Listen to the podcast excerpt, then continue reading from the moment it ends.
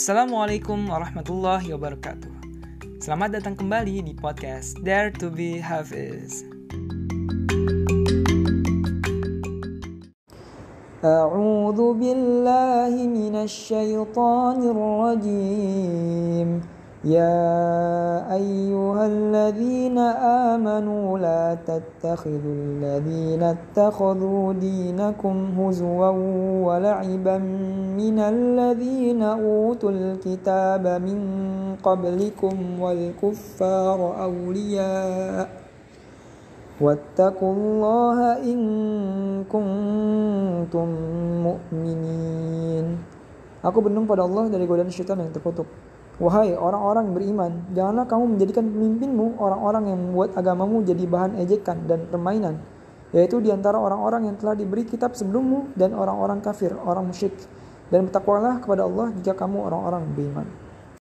Oke okay guys, ini episode yang ke-43 yang seharusnya masih di rangkaian ke 30-an kalau nggak salah.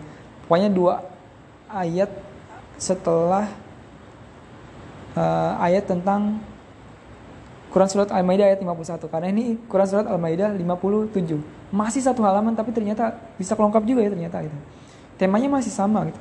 Tentang uh, larangan untuk memilih pemimpin dari orang-orang yang ya ahli kitab gitu. Orang-orang kafir lah istilahnya. Orang-orang ahli kitab dan orang-orang kafir gitu. Di sini walaupun konteksnya uh, agak diperluas yaitu mereka itu orang-orang yang membuat agama menjadi bahan ejekan dan permainan gitu tapi intinya masih sama gitu bahwasannya kita nggak boleh gitu, memilih pemimpin yang di luar uh, orang Islam gitu buat kita sendiri buat, buat orang Islam, Islam itu sendiri. Oke singkat aja sih tapi tapi entah ya kenapa hikmahnya kenapa bisa ini menjadi salah satu ayat yang terlongkap. Entah kenapa ya pasti ada hikmahnya di balik itu semua oke uh, mungkin itu aja. Assalamualaikum warahmatullahi wabarakatuh. Eh wait. Tapi di sini uh, jadi tahu loh suatu hal bahwasannya nggak boleh loh menjadikan agama itu sebagai bahan ejekan dan permainan gitu ya. Ya pasti nggak boleh gitu.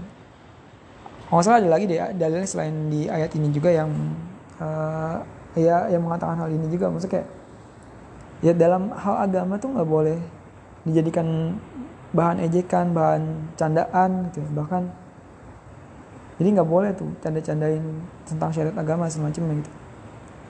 Maka kita harus berhati-hati sangat berhati-hati banget terhadap hal ini gitu. Kalau kita mau coba untuk melucu gitu ya ya nggak usah lah gitu. Eh, aspek-aspek syariat agama gitu kita lucu-lucuin gitu. Kita perlu patut untuk berhati-hati banget terhadap hal ini. Ya biar jangan sampai kita mengikuti orang-orang yang dari agama lain gitu yang ya itu mereka bahkan membuat ejekan dan permainan terhadap agamanya sendiri gitu. Kita bisa tahu dari ayat ini. Assalamualaikum warahmatullahi wabarakatuh